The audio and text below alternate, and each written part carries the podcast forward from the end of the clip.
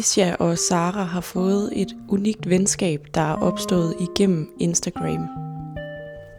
Det hele begyndte med, at Kisha skrev til Saras profil, mor med PTSD. De besluttede at mødes, og det blev begyndelsen på en samtale, som stadig fortsætter fra gang til gang, når de mødes i dag. Kisha og Sara de forstår hinanden, og de kan tale helt ufiltreret sammen.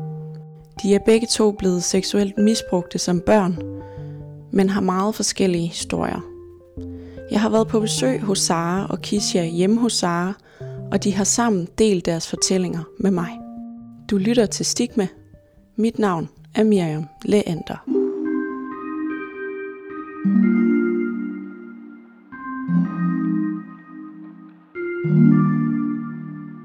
Ja, hvordan, det starter jo egentlig med, at du, jeg opretter en anonym Instagram-profil, og der popper du ret hurtigt op i min indbakke, altså nærmest lige da jeg har oprettet profilen. Ja. Og så mødes vi ret hurtigt efter. Øhm, og der er det jo første gang, vi to altså, taler med nogen, der har været udsat eller sådan kender til seksuel misbrug eller sådan incest. Ja. Og så er det dig, der ret hurtigt sådan... Ja, vi har ja. ikke snakket altså, mange gange, Nej. før at, øh, at øh, jeg, altså, vi begge to ligesom mærker, okay, det her, det giver os sindssygt meget. Øh, især, øhm, eller ikke især, men det giver os, os begge to noget på hver sin måde, fordi vi ja. jo har så forskellige historier med i bagagen, mm. at øh, Sara har hukommelse øh, for, for, hvad hun har været udsat for, og mit det, det kommer stille og roligt, faktisk primært i de snakke, jeg har med Sara. Ja. Der lander der ligesom bevidstheder på tingene, og vi ligesom kan spare sammen. Så for mig gik jeg fra, at det hele det var sådan meget distanceret, og jeg ikke kunne tro på det, og jeg ikke vidste, hvad det var, og, og også fordi, at, at oplevelsen af et normalt minde, mm. øhm, som vi har, har øh, for eksempel som voksne mennesker, det opleves ikke helt på samme måde, øh, når, det er, når det er ting for barndommen. Og det tror jeg måske, at alle mennesker kan relatere til. Men det er sådan, fordi det er så svære emner, mm. så kan, kan sindet jo ikke rigtig forstå det, og det kunne det jo heller ikke dengang, kan man sige. Så det er også læret anderledes i kroppen. Så hele det her med sådan at få vækket min krop og forstå, at alt det her, der ligesom gerne har komme til overfladen længe, det, øh, det er der plads til, det var der rum til sammen med Sara, mm. og øh, vi begge to oplevede mega meget healing, når vi mm. havde de her samtaler sammen. Så jeg tror næsten allerede, det var anden gang, vi mødtes, ja. hvor jeg var sådan, på det her, altså vi burde jo lave en podcast optage det her. Fordi tænk på, hvor meget det giver os, og tænk på, hvor mange andre vi kunne hjælpe. Altså, mm. ved, altså vi har jo de her snakker alligevel, som vi sidder og optager dem, og andre kan få glæde af dem, og mm. måske kan opleve at blive spejlet, som vi er blevet. Ja. Det vil jo være den ultimative gave. Ja, fordi det netop er, altså det er jo en hård, en hård opvækst, vi ligesom har været igennem. Hmm. Og det her med spejling, altså det her med at tale med et andet menneske, som forstår, altså og som har været, altså mange af tingene jo også går også ofte igen, altså hvis der har været seksuel misbrug også i forhold til dysfunktionelle familier. Så det der med, at man kan få sat ord på noget, man selv har følt eller tænkt, og ligesom få sat altså markader på nogle af de ting, man også har oplevet, fordi man, når man er et barn, så ved man jo nødvendigvis ikke, altså, hvad en dysfunktionel familie er, og alle de der mekanismer, der ligesom er i gang. Ikke? Men det her med at vende barndom med, med vokse øjne, og de her forskellige oplevelser, vi har haft, altså mm. det har mm. bare givet så meget, og spejling er bare så vigtigt i forhold til healing, ikke? Altså, Helt sikkert. Mm. Og specielt, altså det, altså det kan næsten ikke understreges nok det der med, når man kommer fra noget, der er dysfunktionelt, så er det jo ens normale så ens udgangspunkt ser jo lidt anderledes ud end folk, der har levet et mere, øhm, en mere rolig barndom, og hvor de er blevet mødt i deres mm. følelser og behov. Øhm, så, så det der med sådan at kunne spare med en anden om alle de oplevelser, vi har haft i barndommen, ikke kun overgrebene, men også ud over det, mm. det, har, det har også været magisk. Mm.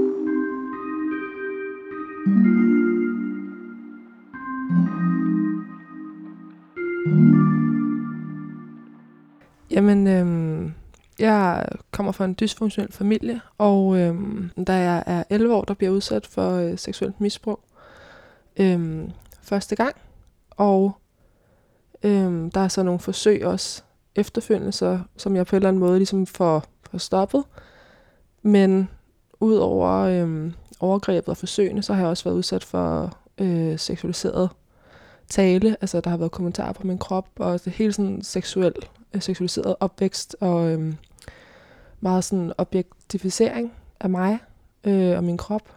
Øh, og også sådan krænkelser på en måde. Øh, og det er så i min, i min tidlige barndom, og så har jeg så været udsat for øh, voldtægt i min ungdom, og også forsøg på voldtægt også. Og ja, krænkelser også senere hen, ja.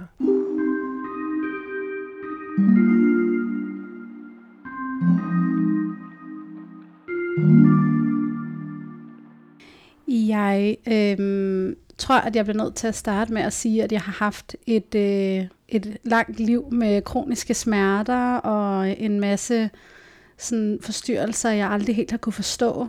Øhm, og, øhm, og efter et langt udredningsforløb, for jeg konstaterede PTSD i 21, start 21. Øh, og det er i samme moment, at det kommer til min hukommelse, at jeg er blevet øh, misbrugt seksuelt som barn. Jeg kommer fra en opvækst, hvor at der er øh, foregået incest. Øh, ikke i vores egen lille familie, men længere udenom, og der er også andre i familien, som er blevet misbrugt. Øh, så øh, så jeg, jeg troede, at jeg havde vidnet ting, og at det så ligesom var det, der faktisk fyldte til at starte med i mine samtaler med Sara faktisk.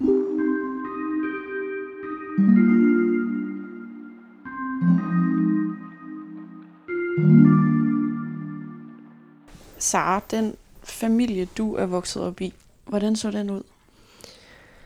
Øhm, jamen, jeg tror, altså jeg vil beskrive den som sådan den øh, øvre middelklasse. Altså, vi har aldrig manglet noget. Øhm, og en, øh, altså, når man ser udefra, så var det en stor og god og tryg familie, der lavede mange ting sammen.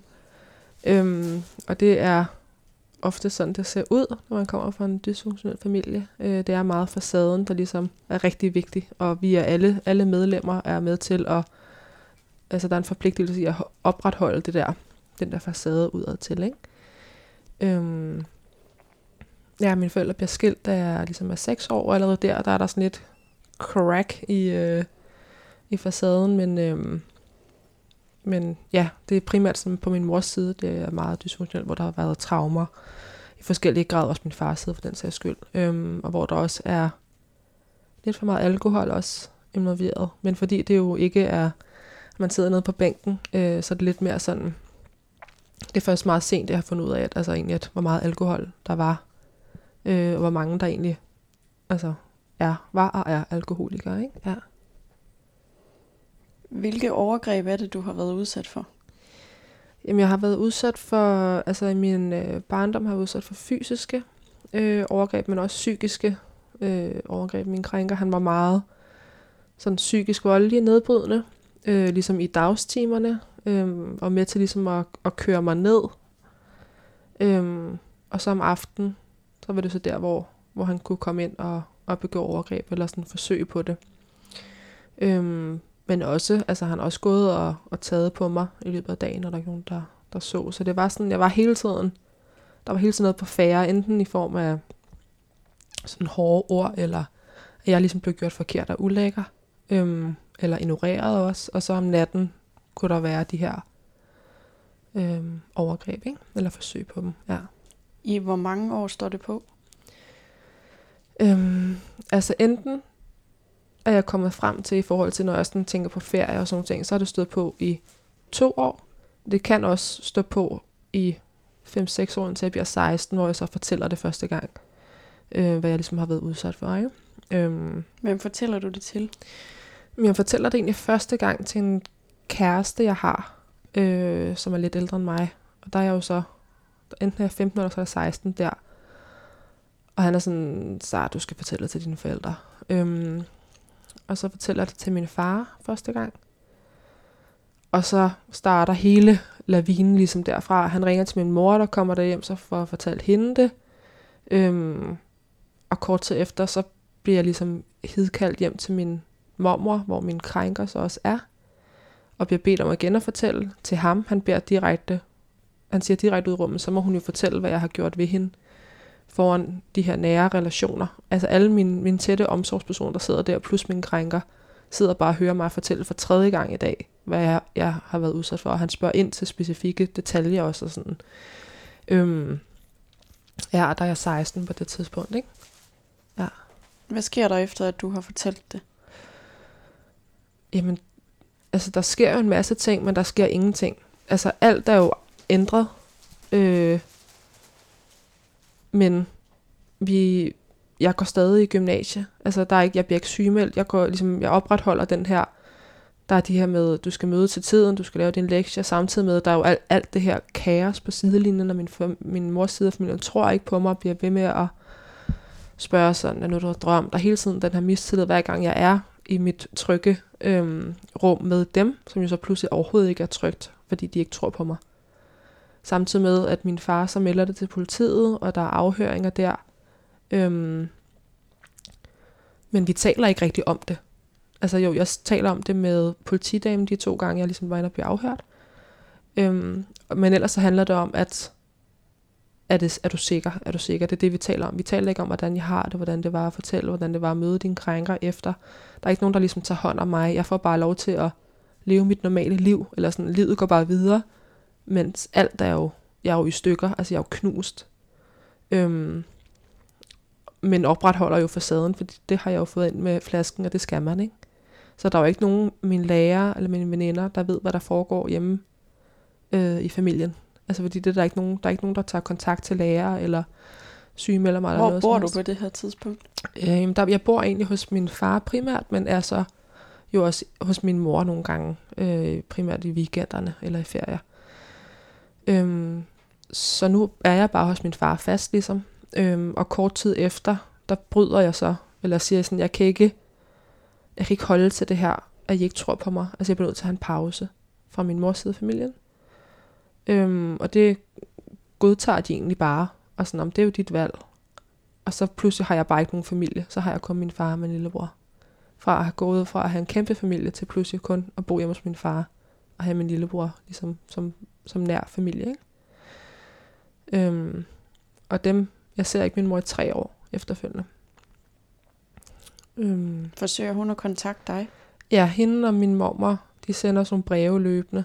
Øhm, men det hele, det handler om ligesom at få faret det lidt under gulvtæppet. Der er ikke nogen, der stadig tager højde. Altså for mig, det er hele tiden sådan.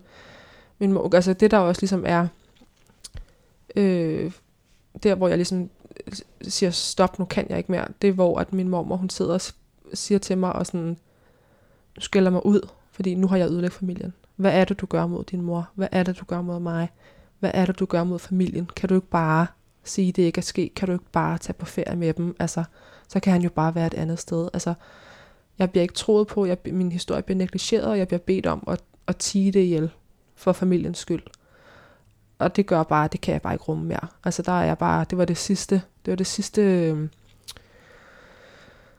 ja, der, Den Der- sidste dråbe, den der sidste dråbe.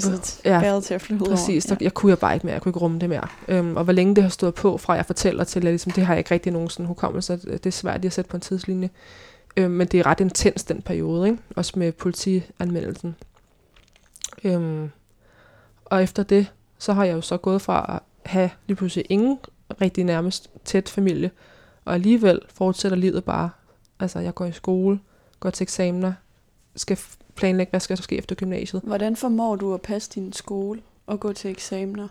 Øhm, jeg er ret sikker på, at det der sker, det er, at jeg, sådan, jeg lukker helt af fra min krop, og jeg lukker ned for følelser. Det er min måde ligesom at overleve på, for jeg har altid haft hukommelse om, om alle de overgreb, der sker. Øhm, og det i sig selv er sindssygt svært. Altså at have altså visuelt at kunne huske, hver gang der sker et eller andet, så, så ved jeg, jeg ved, hvad jeg har været udsat for. Øhm, så jeg har i rigtig mange år, og det er først, da jeg er omkring 22, jeg faktisk finder ud af, okay, jeg kan faktisk nærmest ikke mærke, når folk rører ved mig. Altså det er først sådan, Hvis folk øh, ærer på din hud? ja, det kan jeg næsten ikke, altså det er kun, hvis det er sådan en hård berøring, at så mærker jeg det faktisk. Og det går også op for mig, da jeg føder min, min første datter, at jeg faktisk næsten ikke mærker vejerne. Jeg mærker nærmest slet ikke fødslen, og at jeg bliver undersøgt, altså øh, vaginalt, fordi jeg er så lukket ned i min krop. Øhm, og efter jeg så øh, føder min første datter, og ligesom er blevet mor for første gang, så begynder det her panser, som jeg bare har arbejdet eller sådan haft oppe i alle de her år, det begynder lige så stille og sådan fade væk. Og det er bare ekstremt overvældende. Plus jeg begynder at mærke noget, du aldrig har mærket før. Altså, det, altså det er svært at forklare, men bare det der med at mærke kuldegysninger, eller hvis vinden på, altså alle, alle fornemmelser er nye, som om at, altså, og det er bare så voldsomt. Glæde, vrede, øh, vind på huden, kærtegn, øh, babys hænder, altså alt er fuldstændig nyt og kæmpe overvældende. Mm.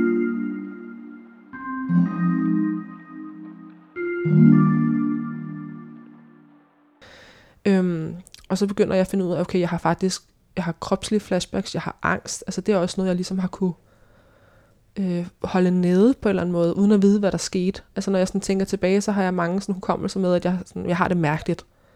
Men så det har været under et kæmpe angstanfald, hvor jeg bare sådan har ikke, ikke sådan kunne være til stede og haft det sindssygt dårligt, men uden at vide, hvad der skete. Øhm, og det ved jeg jo så nu, at det har været flashbacks, eller det har været angst, øh, jeg ligesom har oplevet. Ikke? Men at min krop bare har lukket ned med det samme, før det overhovedet egentlig rigtig er kommet op. Ikke? Så imens at det står på med politianmeldelsen, og du går i gymnasiet og passer dine eksamener osv., der er din krop simpelthen slukket. Den er slukket, ja. Og Helt frem til du er 22 år. Ja, hvor jeg begynder sådan... Det er så der, hvor jeg, der er et, et øh, behandlingsforløb i psykiatrien for anden gang, fordi jeg så bliver ramt af depressioner undervejs. Først da jeg er 16, og så da jeg er 19, da jeg starter på universitetet. Øhm, og så igen i 22. Altså jeg bliver ved med at have det dårligt, og der er ikke rigtig nogen, der ved, hvad der foregår med mig. Altså hvad er det, der sker? Øhm, og lægen siger bare, du har depression, du har depression, og du har depression. Øhm, men der er ikke ligesom nogen... Jeg kan godt se, når jeg læser tilbage i min sag, så er der, der er en, der spørger sådan, hvordan sover du? Og min søvn efter faktisk det første overgreb har nærmest været ikke eksisterende. Altså jeg har haft svært at falde i søvn, jeg har vågnet mange gange, jeg har haft mareridt, jeg har vågnet tidligt og ikke kunne sove.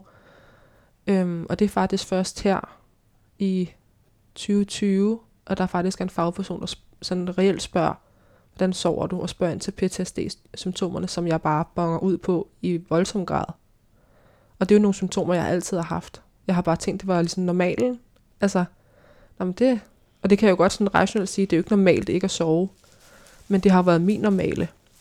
Fordi det har været sådan, det har været for mig hver dag.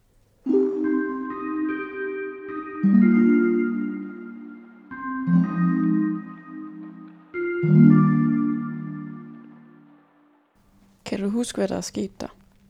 Ja, jeg kan huske. Vil du prøve at fortælle mig noget om det? Ja, øhm, altså det første gang, der sker noget, der jeg vågner ved, at min øh, krænker, han øh, rører ved mig. Øhm, og Hvorhenne? Vi er på en skiferie.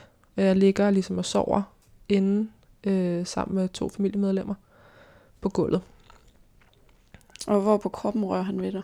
Han rører omkring mit bryst, og så spørger han, og så går han længere ned. Når først spørger han, er du vågen?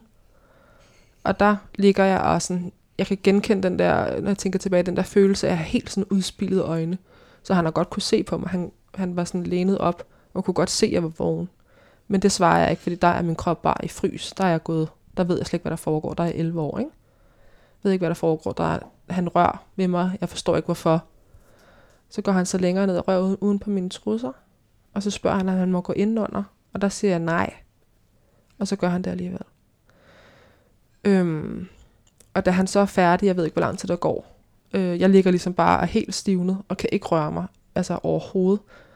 Jeg tror nærmest ikke engang min vejrtrækning, altså sådan, den er meget, altså jeg, min krop er helt stille, altså jeg er helt i frys. Øhm, jeg tvivler om, jeg overhovedet blinker. Altså jeg har slet ikke den der hukommelse, at jeg blinker, fordi jeg bare er husker, så meget... hvor du kigger hen i rummet? Jeg ligger og kigger ind i, i altså jeg har ligesom hovedet væk fra ham, og ligger og kigger ind i... Ja, øhm, for du drejer også hovedet, når du fortæller Ja, jamen jeg kan mærke, det er sådan det er den, det er den kropslige hukommelse, jeg har på ja. det. Ikke? Øhm, og så går der en rum tid, og så er han så færdig med det, han skulle have ud af det. Øhm, og der siger han så, og der får vi øjenkontakt. Jeg siger, du må ikke fortælle det til nogen. Det er vores lille hemmelighed. Og så ligger han sig til at sove.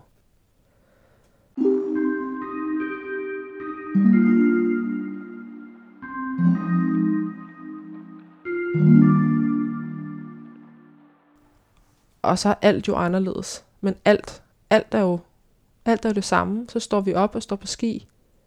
Men der er jo ingenting. Altså jeg, min verden er jo helt vendt rundt på gulvet. Jeg ved jo slet ikke, hvad der er sket. Øhm, og hvorfor det er sket. Og hvad skal jeg gøre med det? Jeg må i hvert fald ikke sige noget, for det har jeg lige fået at vide. Øhm, ja, og så har der så været nogle forsøg efterfølgende. Jeg har ikke sådan, jeg kan ikke sige, det kan, det kan have været første dag, da vi kommer hjem. Det, det er ikke helt sådan, det er svært lige for mig at, at finde ud af, men der sker i hvert fald noget, hvor han forsøger at komme ind på mit værelse. Der er en dag, jeg vågner op, og han, er, han sidder øh, nøgen fænge i min seng. Øhm, og min, ligesom, øh, hvad hedder sådan noget, øh, min reaktion, det er ikke noget, jeg aktivt tænker. Jeg tager bare dynen hen over mig, og vender helt ind til væggen, og spænder i min krop. Altså, jeg, jeg kan genkende den der med, at jeg bare har holdt fast, fordi jeg bare bliver så bange. Og han forsøger sådan at vende mig blidt, ikke noget med sådan, lagde mig ned, men sådan blidt, og det, det lykkes ikke, og så går han igen.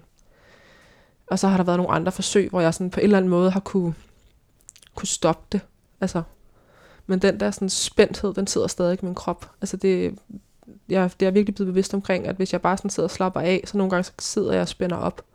Fordi min krop stadig er så meget i øh, alarmberedskab, ikke? efter den, de oplevelser. Og mange af de her forsøg øh, kommer der efterfølgende. Altså der er de her, øhm, der er tre forsøg efterfølgende. Men så er der jo alt det andet også. Altså seksuel tale omkring min krop, og, og han går og slår mig i numsen og sådan nogle ting. Øhm, Fra du er 11 til... til enten jeg er 13 eller 16. Ja. Så det er den periode, ikke? øhm, ja, så det er jo også, selvom det er jo, altså, og det, da jeg var i psykiatrien, så har de haft meget, har lagt blik på, om det var kun et overgreb. Men det har været potentielt 4-5 år, hvor jeg ikke har vidst, hvornår det næste gang skulle ske, hvornår jeg skulle være klar på at afvise. Øhm, så hver gang jeg har været der i det rum, så har jeg jo været i fare. Altså min krop har jo troet, mit sind og min krop har troet, jeg har været i fare. Og fare kan komme at any time. Altså jeg ved jo ikke, hvornår han slår til. Øhm, så hele det pres, plus at han var meget sådan, vi havde ikke nogen relation, så der har ikke været sådan grooming, øhm, øh, ligesom i gang, hvor han har ligesom opbygget en relation med mig, det er ellers så meget sådan klassisk. Og det gør det jo bare endnu mere forvirrende, at han er meget sådan hård mod mig, og han sådan kommenterer negativt på det, jeg gør. Og så sker der det her om natten, øhm, når ingen kigger, ikke? Inden det her skete, var han en person, du godt kunne lide. Mm, nej, altså vi havde ingen relation. Altså jeg, jeg kendte ham ikke. Altså han talte kun...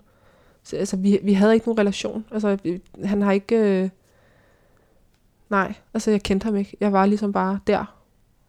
Og han var der, og vi havde ikke noget med hinanden at gøre. Og pludselig var han bare helt inde i mit nærmeste, ikke? Helt inde i min, min kerne.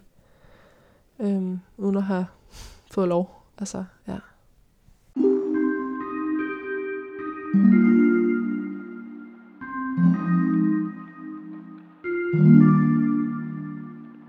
Stopper det ved, at han kommer ud af dit liv? Eller hvordan stopper det? Ja, altså enten så er det ligesom stoppet, altså i takt med måske, at han har fået afvisninger til at passe nogle gange, eller jeg er blevet ældre, det skal jeg ikke kunne sige. Altså, øhm, men det stopper i hvert fald helt der, da jeg så taler, fortæller, hvad der er sket, så er han helt ud af mit liv. Altså så, øhm, men er stadig i familien. Men jeg er jo ikke en del af familien længere, så, så jeg, jeg har ikke noget kontakt med ham overhovedet efterfølgende. Jeg har aldrig set ham efterfølgende. Hvordan føles det, at din mors familie ikke troede på, at du talte sandt? Det oplevede som en kæmpe svigt. Altså, jeg følte mig pludselig helt alene. Og jeg tror i virkeligheden, da jeg fortæller det, der har jeg allerede en, øh, en fornemmelse af, at jeg kommer ikke til at blive troet på. Øhm, fordi jeg har ligesom prøvet, når jeg sådan kigger tilbage, så har jeg prøvet ligesom at komme med nogle sådan lidt, lige kaste ligne lidt ud for at se, hvordan familien reagerede. Øhm, og det blev lukket ned, og sådan, om det, ja, det må du ikke, eller det kan man ikke gøre, eller sådan. Og så, da jeg så fortæller det, så jeg tror egentlig ikke, jeg var overrasket, selvom jeg jo havde håbet på noget andet. Men jeg følte som kæmpe svigt, og jeg følte mig så ensom. Øhm, og så alene. Altså, jeg var alene, og det, den følelse har jeg stadig, altså det kan jeg stadig godt have, selvom jeg er, hvis jeg går på hovedbanegården midt i myldretrafikken, så kan jeg godt øh, stadig føle mig som den eneste i verden. Altså helt ensom, helt ind til min kerne. Altså, fordi det er bare sådan en kæmpe svigt. Et overgreb er et kæmpe svigt, men at man ikke bliver grebet af sin familie eller systemet senere hen, det er bare kæmpe svigt. Hvordan ender politisagen, som din far han sætter i gang? Jamen det ender med, øhm, på det tidspunkt, så var der en øh, forældelsesfrist på den type overgreb, som jeg har været udsat for. Hvad Øhm, vil det sige? Det vil sige, når der er gået x antal år, i mit tilfælde jo så øh, over fem år, da vi ligesom melder dem, så er forældelsesfristen egentlig, altså så er det for sent. På det tidspunkt havde man fem år til at melde den her øh, type overgreb. Det er så lavet om i dag. Øhm, men sådan var det ikke dengang. Og der var en forældelsesfrist på fem år. Og det, der jo så er vildt, det er, at det gælder for første overgreb. Så hvis man for eksempel er yngre, og slet ikke har nogen hukommelse for det, så når du ligesom bliver voksen nok til at melde dem, så var det ligesom allerede for sent. Det er så ændret i dag. Heldigvis, men der er også nogle... Ja, der er også, det er en helt øh, sag for sig selv, for der er også nogle ting i forhold til at melde, og øh, der er også en masse udfordringer der. Øh, ja, men den bliver henlagt på grund af forældelsesfristen faktisk. Så din krænker, han har, han ikke, han har ikke fået en plet på straffeattesten i dag. Nej. Altså han har jo... Der står jo selvfølgelig, hvis der sker noget efterfølgende, så er der jo det her på ham, kan man sige. Øhm, men han har brugt... Det han har fået ud af det her, det er en halvanden times afhøring. Og så er han fri, ikke? Hvor jeg bøder stadig den dag i dag, for det han har gjort ved mig, ikke? Hver dag. Ved du, hvor han befinder sig i dag? Jeg ved, hvor han bor, og hvor han befinder sig. Jeg kan ikke være i den by. Og jeg kan heller ikke være i den by, det er sket. Altså overgrebene. Uden at få det dårligt. Bare tænk på bynavnene. Der, jeg får det fysisk dårligt. Er du flyttet langt væk derfra? Ikke langt nok. Men det er ikke, vi bor ikke i samme øh, kommune, nej. Er du nogensinde øh, nervøs for at møde ham? Ja. Jeg havde en veninde, der blev færdiguddannet, øh, og hun holdt sådan en øh, dimensionsfest tæt på, og der havde jeg det dårligt. Der kiggede jeg hele tiden over der, hvor han boede, for der kunne jeg se området, og hvor jeg var sindssygt bange for, at han lige pludselig var der. Altså, ved et tilfælde. Ikke at han skulle opsøge mig, det tror jeg ikke, han er interesseret i, men, øhm, men det er bare det der med, pludselig at han bare står der. Ja, så der er, der, er- der er steder, hvor der skal jeg lige sådan forberede mig mentalt på, fordi der er potentielt, jeg kan støde ind i ham. Hvis det lige vores veje lige krydses ved tilfældet, ikke? Tror du, han har gjort noget ved andre børn end dig? Ja. Det tror jeg.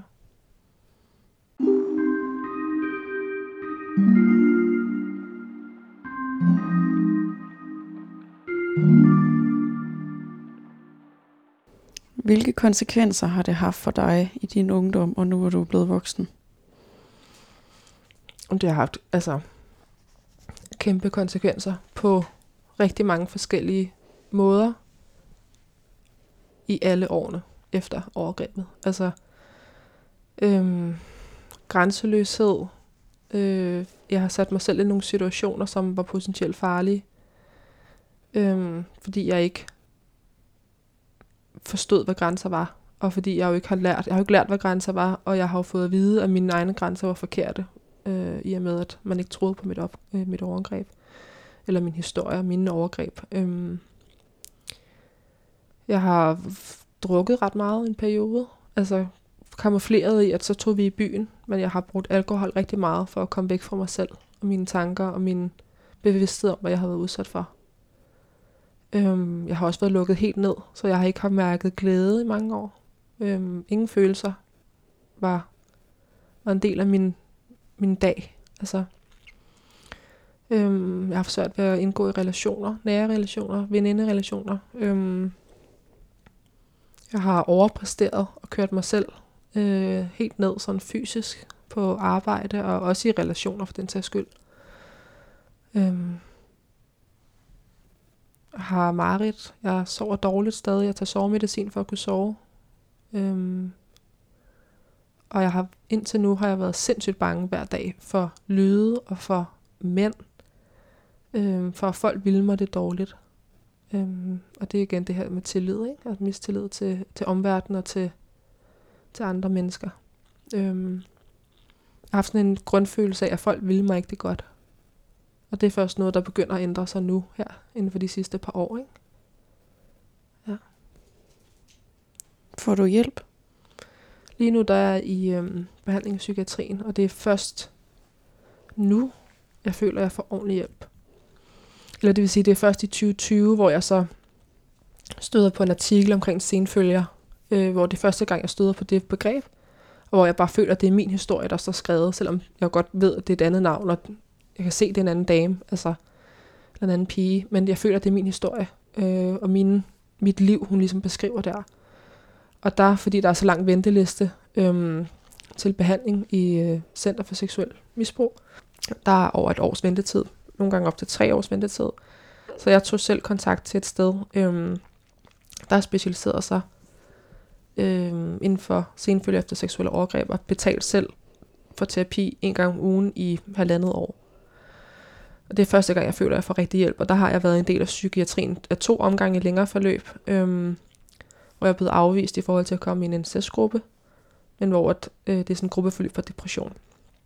Jeg har gået til en hav af selvbetalte psykologer, fordi jeg bliver ved med at have det dårligt, og jeg ved egentlig ikke, hvad der, hvorfor, selvom jeg jo hele tiden har vidst, hvad jeg har været udsat for. Men der er ikke nogen, der hjælper mig til ligesom at, at sætte finger på, hvorfor er det, du har det sådan her.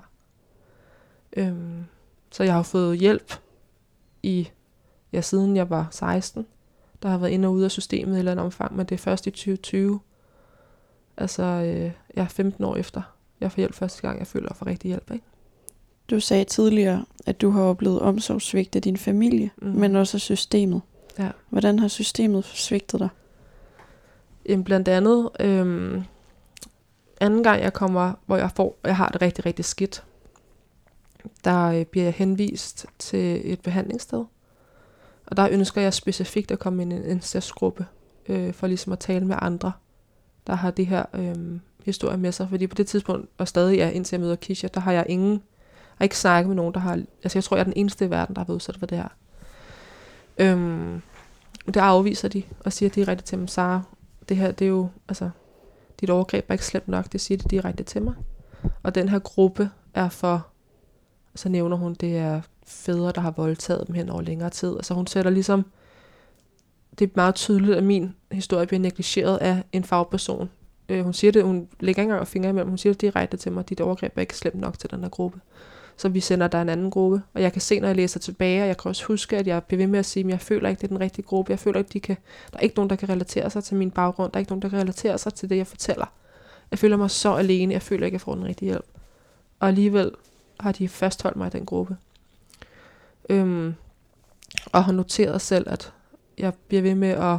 Øh, så var det igen min skyld, fordi jeg ikke ville være en del af gruppen. Så hun bliver ved med at holde på, at det her ikke er det rigtige, og på den måde så ekskluderer hun sig selv for, for gruppen, kan jeg se i deres øh, faglige notater. Ikke? Så man, der har man jo igen ikke taget mig seriøst. Der har igen været en autoritet, der har sagt, det er ikke rigtigt, det du siger. Det er ikke rigtigt, det du føler. Vi ved, hvad der er rigtigt for dig. Ligesom dengang, øh, jeg fortalte min familie om overgrebet. Øh, det samme med jobcentret. Altså, øh, øh, hvor jeg lige nu øh, har sådan en syg dagpengesag. Det er det samme. Det er det samme, jeg bliver mødt med. Det er ikke slemt nok til, at du kan blive forlænget din syge dagpenge, det du er udsat for, det du føler lige nu. Øhm, ja, og jeg er jo så heldig, at jeg har haft ressourcer til selv at opsøge, og har selv haft midlerne til at, at betale for min egen terapi. Øhm, men jeg har stadig ikke kommet ind på Center for Seksuel Misbrug. Der venter jeg stadig på at øh, kunne få et gruppeforløb.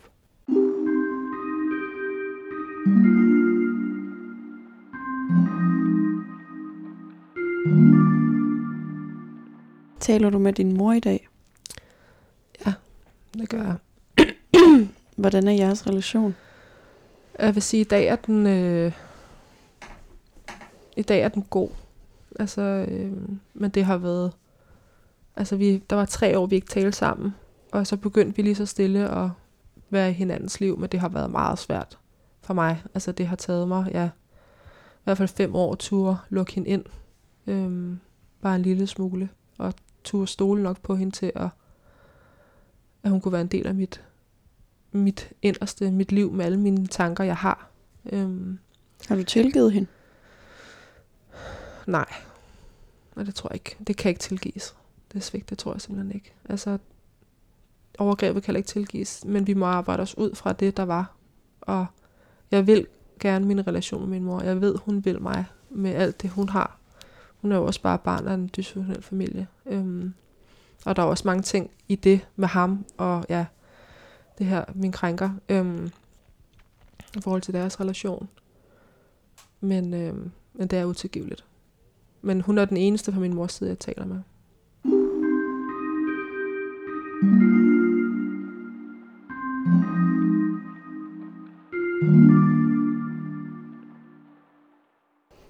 Du siger, at de sidste fem år er du begyndt at kunne arbejde med dig selv, og du har fået følelsen tilbage, når folk ærer dig på armen. Hvad er det, der er sket, siden at du har fået den kontakt tilbage til din egen krop? Altså, det er et godt spørgsmål. Altså, jeg tror helt sikkert, der sker, altså efter fødslen af min første datter, hun er fire i dag, ikke? der sker noget, altså kæmpe øh, kvantespring i forhold til det. Men jeg tror bare, at kroppen giver plads til det, der er plads til at blive rummet på det tidspunkt. Altså, så der, hvor jeg begynder at mærke min krop, der er der noget andet, der er sluppet. Øh, selvom jeg har svært ved at sætte på, hvad det er. Men der har været rum i min krop til, at nu kan vi tage hul på det her. Der har været en, helt sikkert været en grund til, at min krop har lukket ned. Og det tror jeg, fordi jeg har haft hukommelse på det. Altså det har været så for voldsomt. Så for at jeg ikke skulle være helt ødelagt, så har kroppen bare lukket ned, indtil der var rum til, at så tager vi fat på det, så tager vi det her næste skridt på helingsrejsen. Øhm. Men det er jo også det, der er svært at, altså visuelle flashbacks kan jo lige pludselig komme. Altså, man ved jo, altså, der kommer jo ting til en på, på rejsen her, når man arbejder med sig selv, og det er bare benhårdt, ikke? for du ved ikke, hvad der kommer. Øhm, jeg ved jo, hvad jeg har været udsat for, men at forstå hele det spænd, man har været igennem, og forstå, at jeg er blevet retraumatiseret også i psykiatrien. Altså, det, øh, de der erkendelser undervejs, de kommer løbende. Og det er benhårdt, ja. Hvordan, øh, hvad laver du nu øh, til hverdag? Øhm, lige nu er jeg sygemeldt, Ja. men ellers arbejder jeg med øh, kommunikation og marketing i, øhm, i techbranchen. Øhm, og har jo kunnet tage en uddannelse, en universitetsuddannelse. Øh, og det forstår jeg ikke, altså når jeg ser tilbage. Men det, det har jeg jo nok kun kunnet, fordi jeg har lukket ned og levet det her dobbeltliv. Ikke? Altså med al min smerte, når døren var lukket. Og så når jeg gik ud, så var det studie og læsegruppe og læse, pensum, eksamener. Øhm, Hvorfor er du nødt til at være sygemeldt lige nu? øhm, det er fordi, der er nogle ting, der kommer op igen, som fylder rigtig meget. Øh, og har, som har invalideret mig helt vildt. Øhm, jeg sidder og har det godt. Jeg, jeg kan se lys for enden af tunnelen nu, men hvis vi havde mødtes for to år siden, så var det slet ikke det, den følelse, jeg havde i min krop. Altså, øh, der ville jeg tro, det var stationært, og jeg ikke blev, fik det bedre. Øhm, og jeg har været ramt af nogle rigtig mørke tanker, som jeg skulle dele med, øhm, efter jeg blev sygemeldt. Tror du, du altid vil have de her udsving? Altså, heling er jo ikke lineær og kun op. Altså, der vil jo også være skridt tilbage, men det er jo også et skridt frem. Altså, der er en grund til, at vi, vi, øh, vi tager de her tilbage skridt, tror jeg. Og jeg kan jo mærke også, at min udsving bliver, øh, bliver, jeg bliver nemmere. Jeg fornemmer ligesom ved at komme for til kontakt til mig selv og komme tilbage på min helingsrejse. Hvor jeg tidligere har været lang tid på, på afveje. Øh, så jeg kan mærke, at der sker helt sikkert, der er sket en forbedring i forhold til de her mørke perioder. Øhm, jeg bliver bedre til at, at få det godt igen. Og få fat i, hvad er det, der sker nu. Øhm, og hele derfra. Men jeg tror, altså, mange af mine symptomer vil være øh, for life. Altså dem vil jeg have med mig i, øh,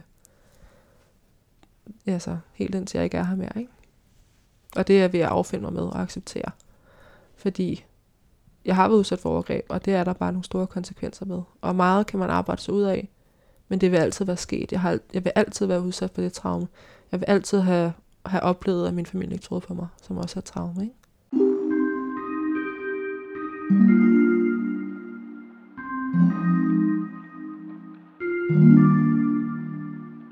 Alt det, du har i bagagen, hvad betyder det i måden, du er mor på?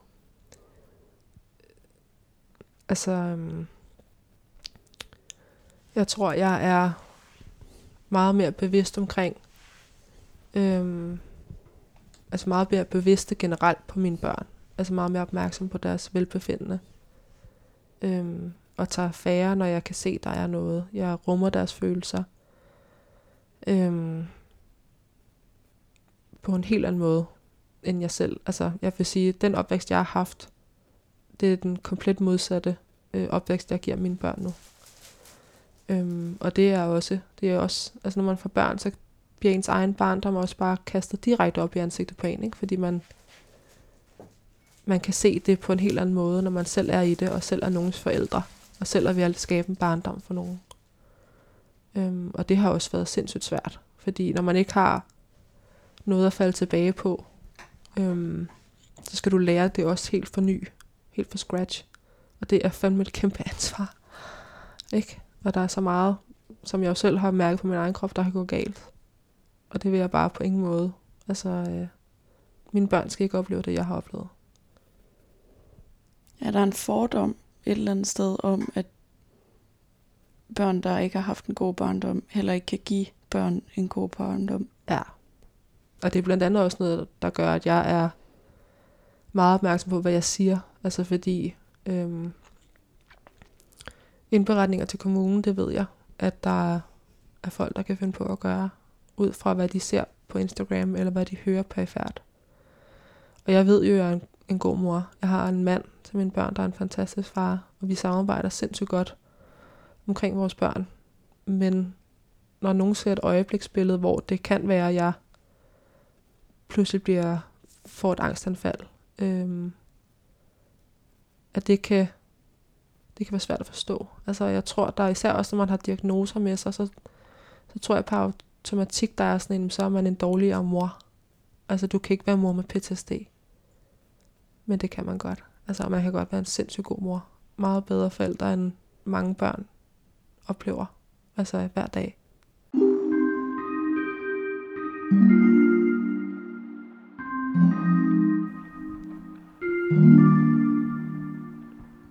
Hvorfor det er vigtigt, at vi hører historier som din? Det er vigtigt at forstå, at det her det sker. Altså det er nødvendigt at tale om, fordi det her det sker. Og det sker i rigtig stor omfang. Der er kæmpe mørketal. Øhm, der er nogen, der anslår, at det er 10%, der bliver udsat for, øh, overgreb og incest i barndommen. Eller i ungdommen. Og det er jo, altså, det tænker jeg er lavt sat. Når man kigger på udlandet, så er det helt op mod 20 procent. Så det sker, og det kan have så sindssygt store konsekvenser igennem hele livet. Øhm, så det er nødvendigt, at vi ved, at det sker, så vi kan handle på det, og så vi kan skabe rum til hinanden og det svære. Fordi hvis ikke man kan tale om de svære ting, altså så er man, så sker skammen, og så sker ensomheden, og det, øh, det har jeg bare selv oplevet fra egen krop. Og det synes jeg bare ikke, der er ikke nogen, der skal være alene med de her oplevelser. Eller, hvordan, hvordan har du mærket skammen? Jamen, jeg har følt mig forkert, og jeg har følt mig decideret ulækker.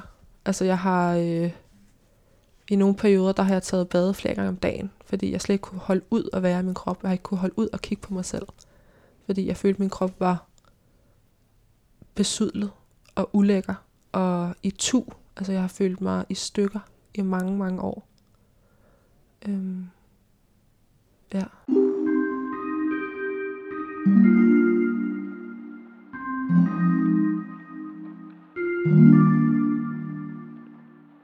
Hvordan reagerer folk, når du fortæller om, hvad der er sket der?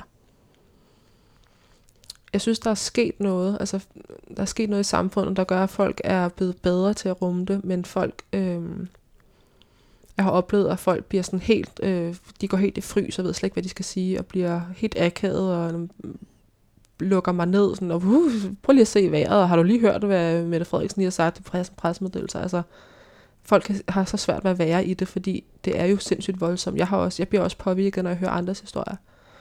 Og når man ikke øh, har oplevet det, øh, og ikke har haft den her normale, som jeg har haft, så er det bare sindssygt overvældende. Ikke? Øhm, men det er bare så vigtigt, at man, man møder bare med et lyttende øre. Altså man behøver ikke engang sige noget. Bare det, at man... Nej, fordi jeg ville spørge dig, hvordan kunne du godt tænke dig, at folk i den situation reagerer? Ja. Altså, man har jo lov til at reagere, som man vil. Øhm, jeg tror bare, det er vigtigt at have, altså forstå, at når man åbner op omkring sådan nogle svære ting, så er det fordi, der er en tillid. Og man behøver ikke gøre noget, man behøver ikke sige noget, man behøver ikke fikse. Fordi når ikke man, altså, når ikke man er fagperson, jeg skal ikke fikses, altså, men jeg har brug for at tale om de her ting, jeg har brug for at fortælle, og måske er der noget, jeg lige har brug for at fortælle, der er lige det her øjeblik, og det eneste, du egentlig bare skal gøre, det er at skabe rum for mig, og ikke gøre mig forkert, og ikke lukke ned, og det kan være sindssygt svært. Fordi det er, er hårde ting, det ved jeg også, det kan jeg også godt høre, når jeg sådan fortæller min egen historie igen, selvom jeg jo udmærket godt ved, hvad jeg har været udsat for. Ikke? Øhm, men det er bare så vigtigt, at der kan være plads til det her. Øhm. Hvis man har en nærstående person i sit liv, som har oplevet det her, man er vidne om, at personen har oplevet det her, hvordan kan man så starte samtalen, hvis man ikke har kunne få den åbnet? Altså jeg tror bare at spørge, hvordan har du det? Virkelig, hvordan har du det virkelig lige nu? Jeg tænker på dig, altså jeg er her for dig. Altså bare at skabe rum, altså fordi tillid kommer ikke med det samme nødvendigvis, selvom man har en tæt relation. Men at være insisterende og være klar på at lytte, når der så er klar til at blive åbnet op. Når jeg er klar til at dele det her med dig. Øhm, og jeg vil sige, du kan nærmest ikke sige noget forkert. Bare det, at du tør. Det, det, er, det er det vigtigste. Har du noget her til sidst? Har du noget på hjerte til, hvis der sidder en, måske et ungt menneske derude, og har oplevet noget af det, du har oplevet, og lytter med? Mm, jeg tror, det er vigtigt at sige, at du ikke er alene. Selvom jeg vil ønske, at det her, det var, at vi ikke var så mange, som vi er. Men man, du er ikke alene. Og se og fortæl med nogen. Find nogen, du har tillid til. Eller opsøg hjælp selv, hvis du har ressourcer nok til det. Eller find nogen, der kan hjælpe dig undervejs, men det er så vigtigt at tale om det. Og så er det også vigtigt for mig at sige, at det er aldrig din skyld. Altså det, du bliver udsat for, er ikke din skyld. Ligegyldigt, om du får det at vide, hvem du får det at vide af, så er det ikke din skyld. Øhm, opsøg viden, lær omkring det her. Hvad er det? Hør den her podcast, hør vores podcast. Altså, hiv fat i nogen, fordi spejling er så sindssygt vigtig altså for helingsrejsen. Øhm, noget af det første, jeg gjorde, det var at tage kontakt til Landsforeningen Spor, som er netop en, øh, en øh, brugerorganisation for voksne med senfølge efter overgreb af barndommen. Og de har sådan et rum øh, med, med andre senfølgeramte. Og bare det at være i det rum, det er en Facebook-gruppe, allerede det, det giver så sindssygt meget at læse. Det er også sindssygt hårdt, ikke? Altså, fordi du hører også andres historier. Men bare det at vide, at du ikke er alene, og du er en del af en, et, et crowd, altså Øhm, det er så vigtigt. Ja. Så tusind tak, fordi du vil fortælle mig din historie. Selv tak.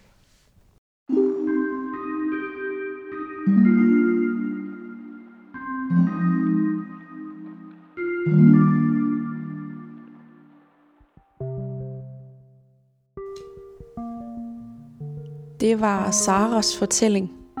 Du har lyttet til første del af en todelt episode af Stigma med veninderne Sara og Kisha om seksuelle overgreb i barndommen. Og i næste episode, der kan du høre Kishas fortælling. Har du oplevet seksuelle overgreb eller seksuelle krænkelser i din barndom, eller kender du nogen, der har, så er der hjælp at få. Du kan kontakte organisationen Kvisten, eller Center for Seksuelt Misbrugte, eller du kan kontakte Landsforeningens Spor under Kirkens Korsherre for gratis rådgivning. Stigma-programmerne er tilrettelagt og produceret af mig, og jeg er også din vært, og mit navn er Miriam Leander.